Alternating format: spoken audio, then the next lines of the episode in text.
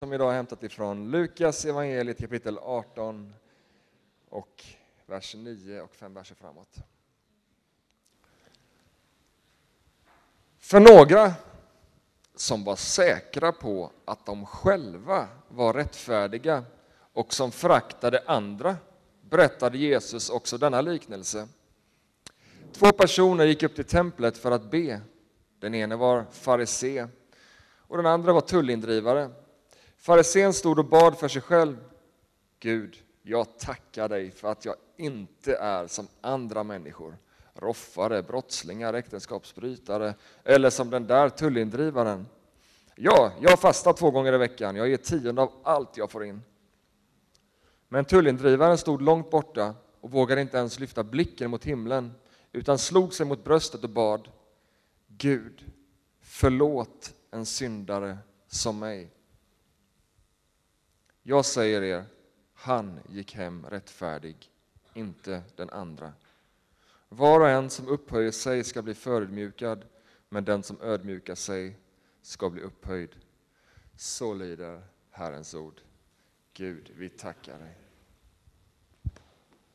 Välkommen Mattias.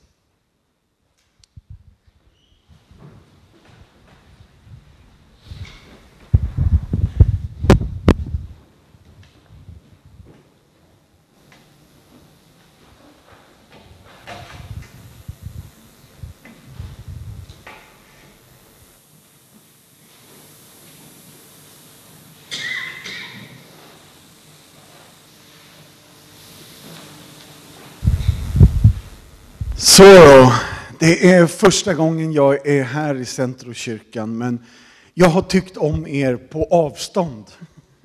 Så är det verkligen.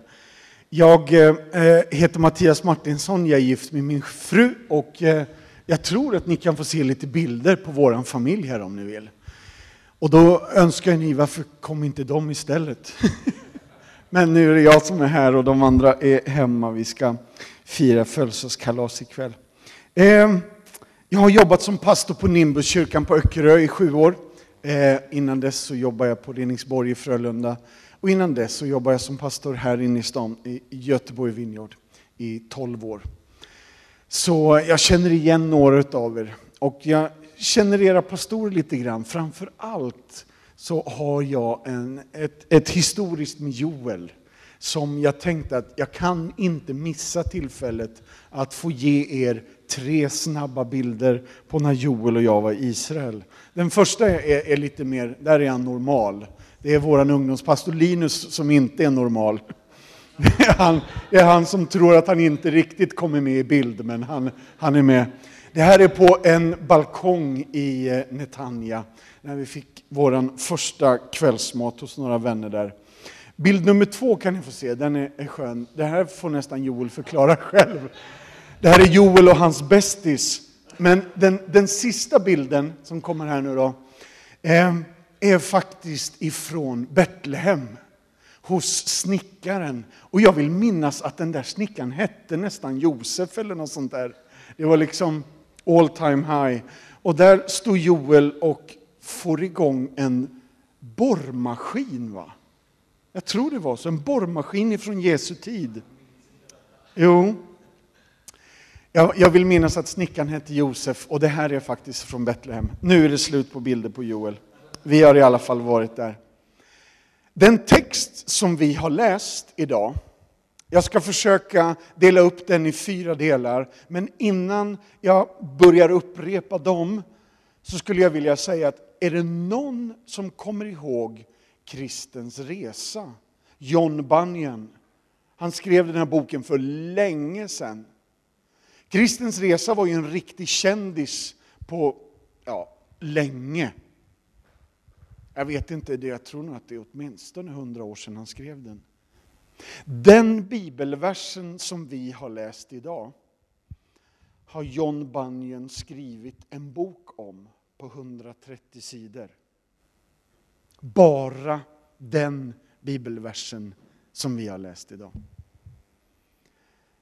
Så här välkomnas vi in i en text där Jesus är kontroversiell. Han är konfrontativ.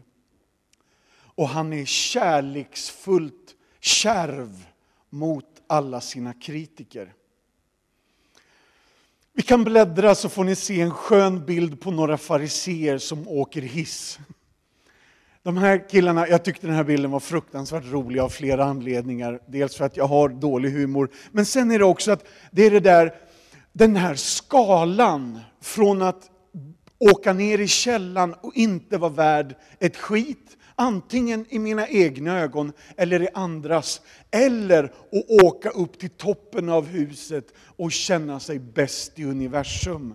Fariséerna har en ypperlig förmåga att kunna locka fram det värsta och det sämsta, både i sig själva, i varandra och i andra. Och när vi har noterat det så skulle jag vilja säga att jag, jag tror att ni går igenom flera liknelser.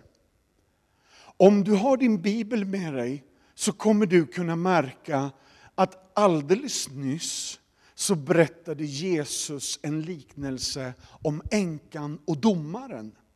Kommer ni ihåg henne? Hon som ber utan att tröttna och tjatar utan att skämmas. Hon är skön. Hon bara ger sig på igen och igen och igen. Och så säger Jesus, så ska ni be.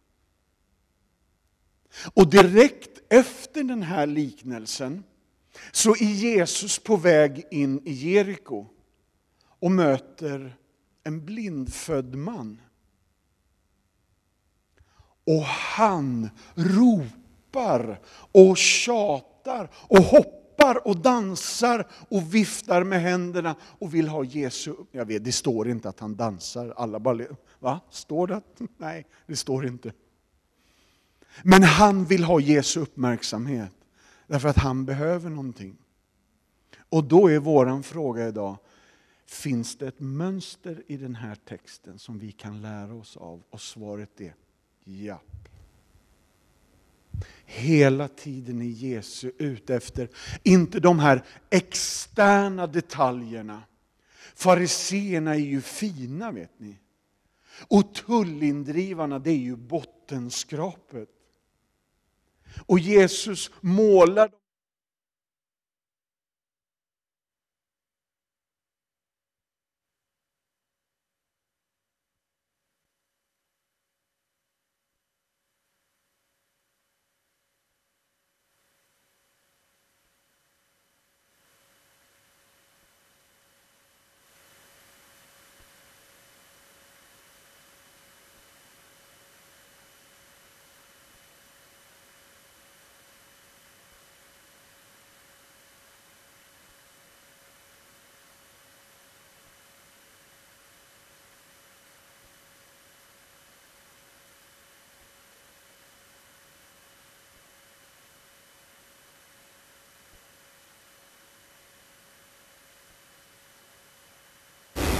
Jag ska försöka vara så systematisk som det bara går. Men också så pedagogisk som texten faktiskt är, för Jesus är fullständigt lysande på att berätta bra berättelser. En stor skillnad hos bedjarna, en stor skillnad i tillvägagångssättet i bön, en stor skillnad i själva bedjandet och en stor skillnad i bönesvar. Vi börjar med punkt nummer ett. Jesus tilltalas av att problematisera ytterligheterna. Den ene, den är ju den finaste men lite fisförnäme farisén. Och den andra är den som har sålt sig till ockupationsmakten Rom. Det vill säga det högsta och det lägsta, det mest erkända och det mest utstötta. Och bara om vad är det, kapitel 18, jag tror att i kapitel 19 så kommer Jesus hem till Sackeus i Jeriko. Så Lukas är fullständigt briljant på att hjälpa oss att förstå och leda historien framåt. Därför att det här är inte en isolerad liknelse i sig, den är ett långt händelseförlopp och Jesus är ute efter våra hjärtan. då. Så en stor skillnad hos bedjarna. Så farisén är egentligen på frågan, Hur gott är gott nog? Good enough. Eller är det det här ständig strävan som gäller? För en vanlig missuppfattning av människor som inte är troende är att vi troende tror att vi behöver Guds godkännande och Guds bekräftelse. Och det får vi genom vårt sätt att handla. Men den modellen är både självrättfärdig, självcentrerad och omöjlig att uppnå. Vilket egentligen bara leder till att vi i praktiken avvisar Gud hans erbjudande om nåd. Och vi avvisar också den kristna gemenskapen till slut, för den behöver ju inte vi, för vi är ju goda nog i oss själva. Så ett totalt och ett befriande godkännande och en full bekräftelse från Gud, den kommer bara och enbart genom att acceptera Guds nåd, Kristi offer som räddningen för alla mina synder. Men farisén fortsätter att fråga. Tror du att Jesus är imponerad av mig nu? Det är ju ingen av oss som skulle våga erkänna för någon annan att vi faktiskt känner så ibland. Inte riktigt att vi tänker så de orden, men i praktiken är det lite så vi handlar. Rättfärdighet, både i gamla och nya testamentet, betyder ungefär att bli godkänd, att bli säkrad, att bli accepterad och nu då den sista, att bli okej-stämplad. Och på den sista där måste jag bara ta med jultomten. Är det någon som har sett den här killen på julafton, när han stämplar den här stackars dockan i baken och helt plötsligt så är hon godkänd för att hon kan säga mamma på rätt sätt enligt tomten vi behöver inte ha handuppräckning på den grejen, men helt plötsligt så förstår vi vad det är Gud pratar om när han pratar om rättfärdighet. Därför att dockan kan faktiskt inte säga mamma, men det är faktiskt good enough bara att komma rännande ner där och få den här stämpeln därför att jag är, inte för att jag kan, för att jag bla bla bla och så vidare, utan helt enkelt bara är. Punkt nummer två då en stor skillnad i tillvägagångssättet i bön. Och jag har frågat mig själv, vilket verktyg ska jag hämta ur min verktygslåda? För lite beroende på vilken situation jag står inför så tänker jag, hur ska jag be här nu? Vilken sorts bön passar bra för den här direkta situationen? Våran plan var egentligen att jag skulle kommit och predikat under hösten, men en familjemedlem till mig blev så allvarligt sjuk så vi var tvungna att ställa in det. Så hela den här perioden som har varit från september, oktober, november så har jag märkt att den där suckanbönen har blivit en vän med mig. Den modellen har varit det verktyget som på något sätt har legat lättast i handen och som jag har haft närmast till på ett sätt. Därför att jag har varit i en situation som för mig har varit fullständigt eh, over the top. Så jag har fått leta efter nya sätt att bedja på. Nya sätt att på något sätt få det där kontakten eller beröringen eller tilltalet om att du är med igenom allt det här också, eller hur? Och sen har jag också märkt av, och det får jag nästan säga till era pastorer och många andra vänner här i stan, vilket otroligt support förbönsstödet är. Att när det väl krisar sådär, så finns det massor av bedjare som bär. Så på frågan eh, vilket verktyg ska jag hämta ur verktygslådan så ber jag att få återkomma lite senare. Men farisén han är tyvärr för fin för att frälsas. Han är så nöjd med sig själv så hans bön är egentligen ingen bön, den är ett CV. Jag är helt grym Gud, det är tur att du har mig nåd är ett fantastiskt koncept som jag tycker du gjorde jättebra. Jag behöver inte den, men jag ska komma ihåg den till de stackarna som behöver den. Eller till exempel han där. Och så pekar han på tullindrivaren. Din position, din ställning, din räddning inför Gud är enbart baserad på Jesus. Inte på dig själv, dina meriter, ditt CV eller dina mängden av guldstjärnor som du fick i söndagsskolan.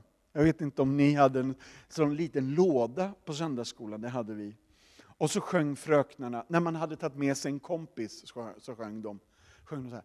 Det var bra, det var bra att du tog en kamrat mitt i söndagsskolan idag.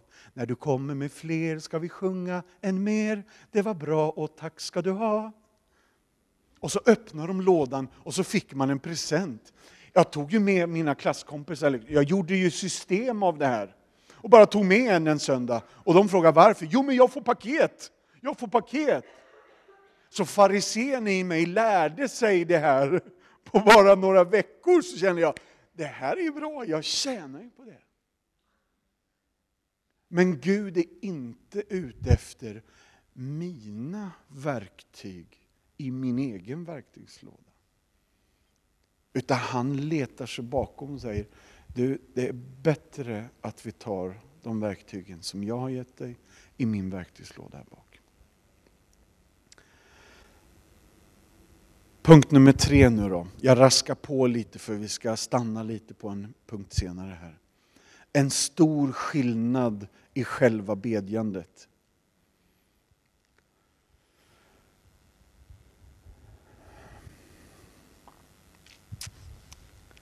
Vi kommer att gå i clinch med Gud om vi lever ett arrogant och egenkärt liv, som farisén. Bibeln säger att du ska älska dig själv. Bibeln är oerhört tydlig på den punkten. Men Bibeln säger att egenkärlek, egenupphöjelse blir problematiskt. Därför att i praktiken så handlar egenkärlek om att jag är min egen Gud. Själv är bäste dräng, bra kar reder sig själv. Så egenkärlek i den meningen är egentligen en stolthet, en självrättfärdighet. Och om ni lyssnar nu då, om Stolthet och självrättfärdighet, det är när din bild av dig själv är för stor. Och otro är när din bild av Gud är för liten. Någon har sagt att alla våra andliga problem, och han, jag tror att det är J.D. Greer som har sagt, han säger att han använder ordet alla våra andliga problem med avsikt. Alla våra andliga problem börjar med att vi överskattar vår egen storlek och underskattar Guds storlek. Där någonstans. Så synden trivs bäst i kombinationen mellan stolthet, som tänker för stort om mig själv, eller otro, där jag tänker för litet om Gud.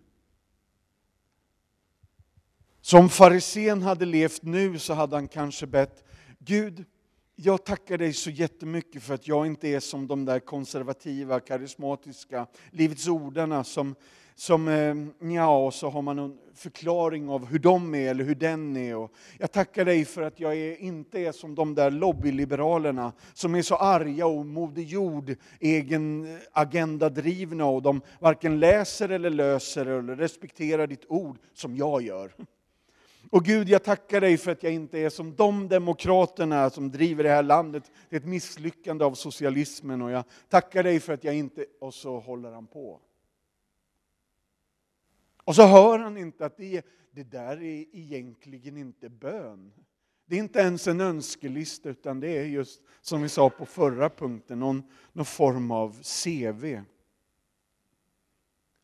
Notera att farisén mest pratar om yttre grejer. nästan uteslutande yttre grejer. Jag är, jag är, inte som den som gör så, jag är inte som den som gör si, och jag fastar så här mycket och jag ger så här mycket yttre grejer. Hela tiden. Hela tiden yttre grejer.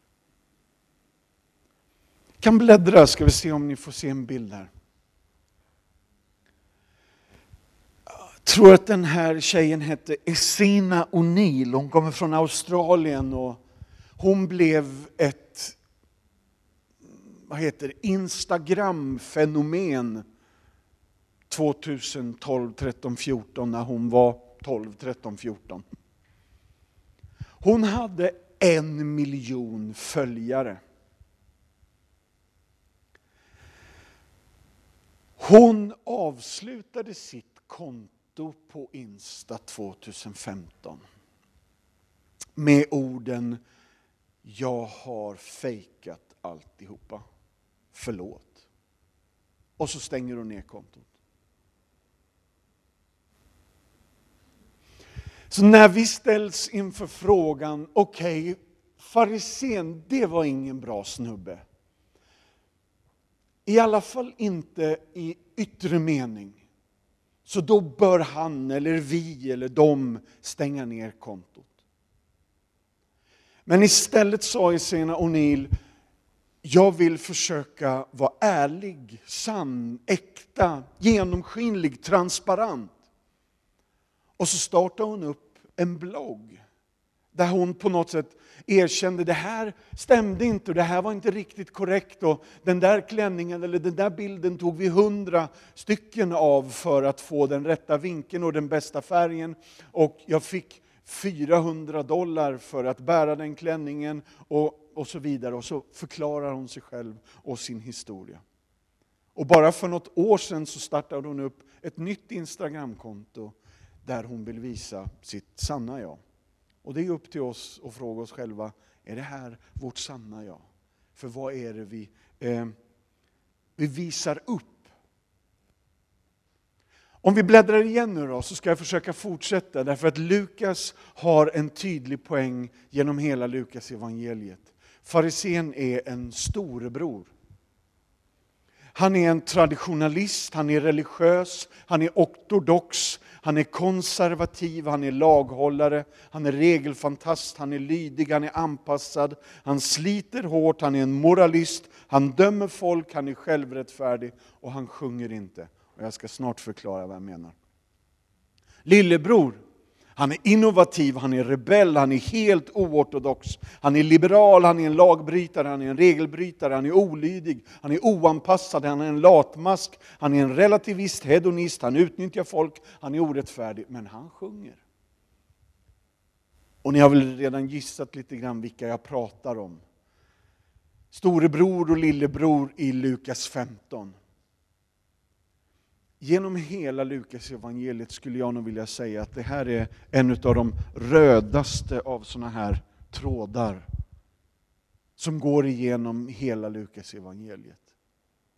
Att farisén är en storebrorsa. Han är liksom klanderfri i allt han gör. Men han är så stolt över att han är så bra.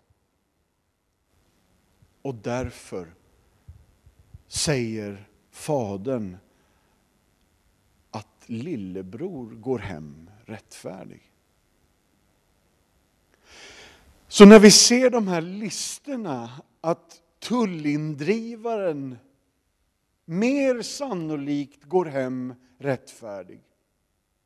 Då undrar vi, hur är det möjligt? När han har varit si och sån och gjort så. Sen vet ju vi att ditt liv, eller mitt liv i alla fall, är, är inga sådana här eh, stilistiska uppdelningar. Utan verkligheten är att Mattias Martinsson åker storslalom mellan storebror och lillebror dagarna i ända.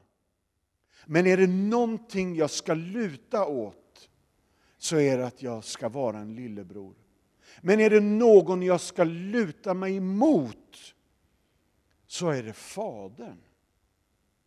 Därför att liknelsen handlar i första hand inte om att jag ska vara en storebror eller lillebror, utan acceptera Faderns fullkomliga kärlek.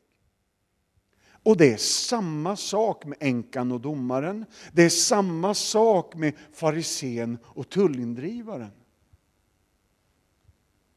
Den som på något sätt öppnar hjärtats stängda dörrar. Inte bara det officiella Instagramkontot med såna här sköna, snygga filter som gör att verkligheten är lite förskönad, utan den som öppnar upp hjärtat och visar Gud, det här är jag, varken mer eller mindre, bättre eller sämre. This is it. Och här är tullindrivaren en vacker bildbeskrivning. Jesus gör det så otroligt snyggt. Han står på avstånd. Han lyfter inte blicken och han slår sig för bröstet. Men inte som Tarsan, utan han slår sig för bröstet.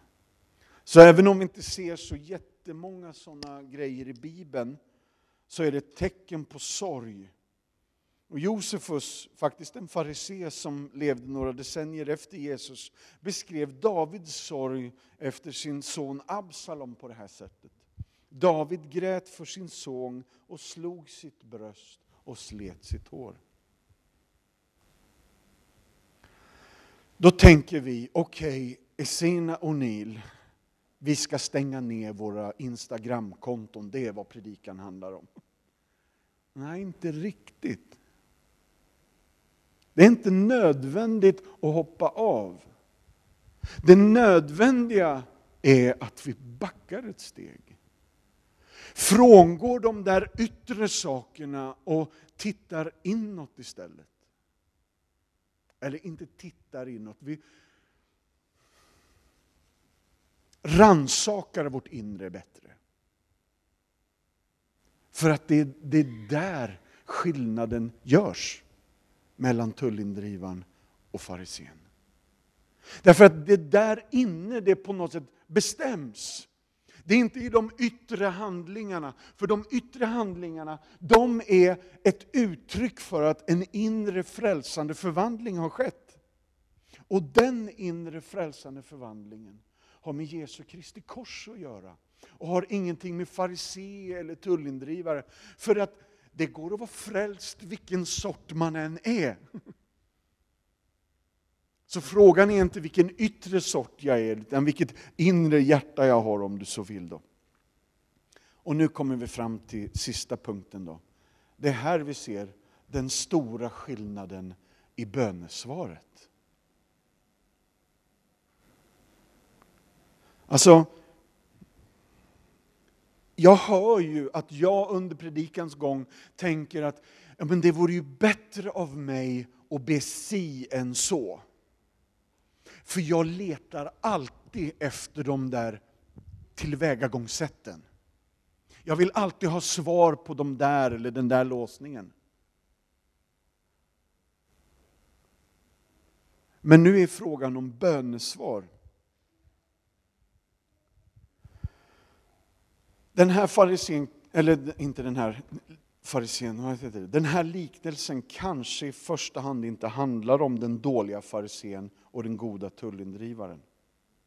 För fariséerna de respekterades, de var fromma, de var trogna, de var heliga och de gjorde det som var rätt.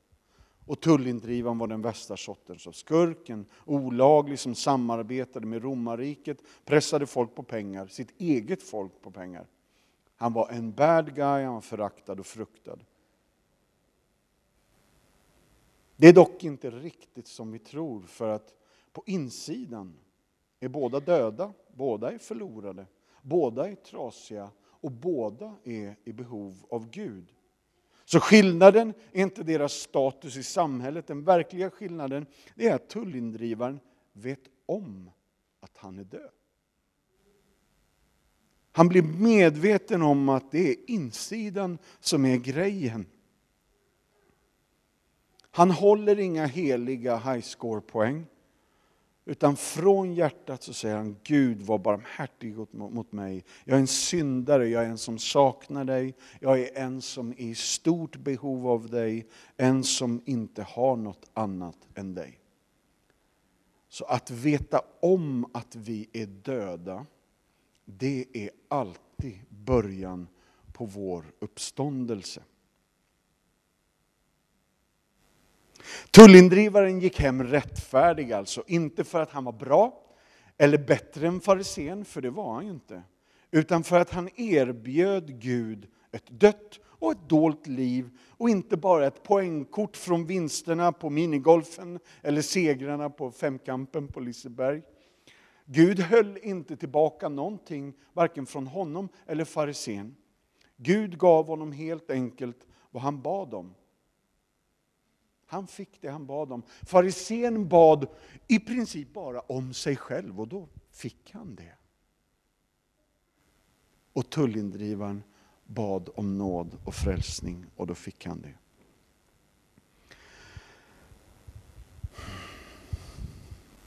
Så någon måste komma utifrån och säga att du är okej. Okay. När vi hör eller när vi får stämpeln, okej-stämpeln av Gud, så är det början på en ny berättelse, ett nytt liv och ett val som Gud har ställt inför oss. Han blir en av oss och vi får del i Kristi natur. Därför behöver vi inte samla poäng. Vi behöver bara ropa efter Guds barmhärtighet.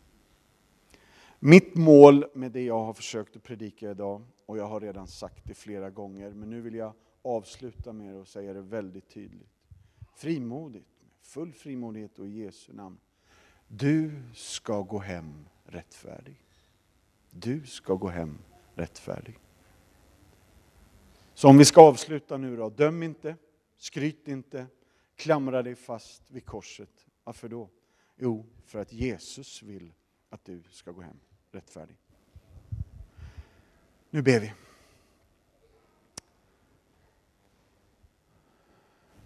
Tack gode Gud för nåd och frid. Tack för sanning, tack för hopp. Tack för befrielse i namnet Jesus.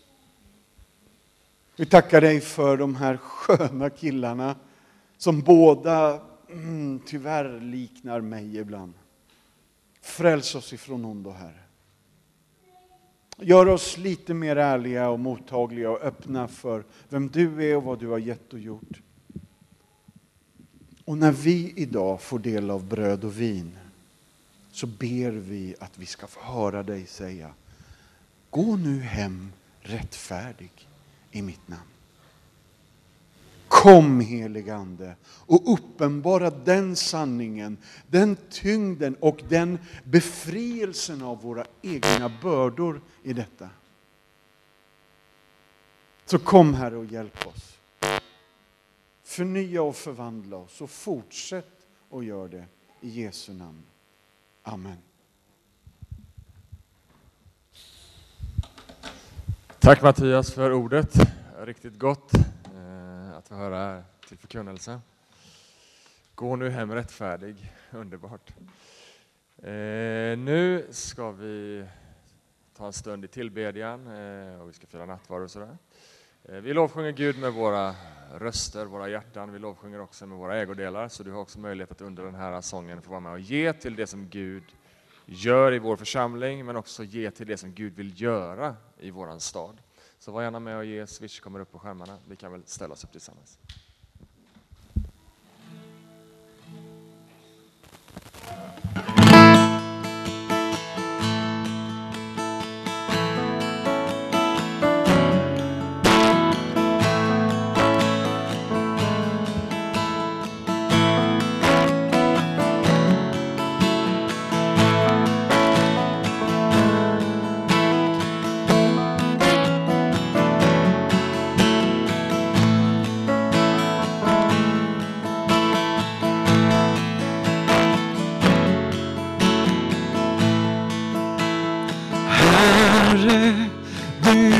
Rannsakar mig och känner mig.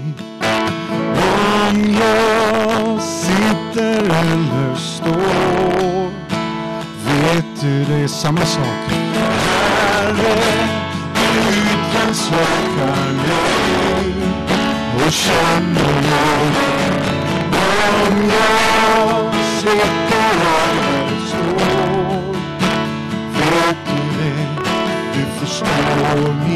not undone, down, down, down,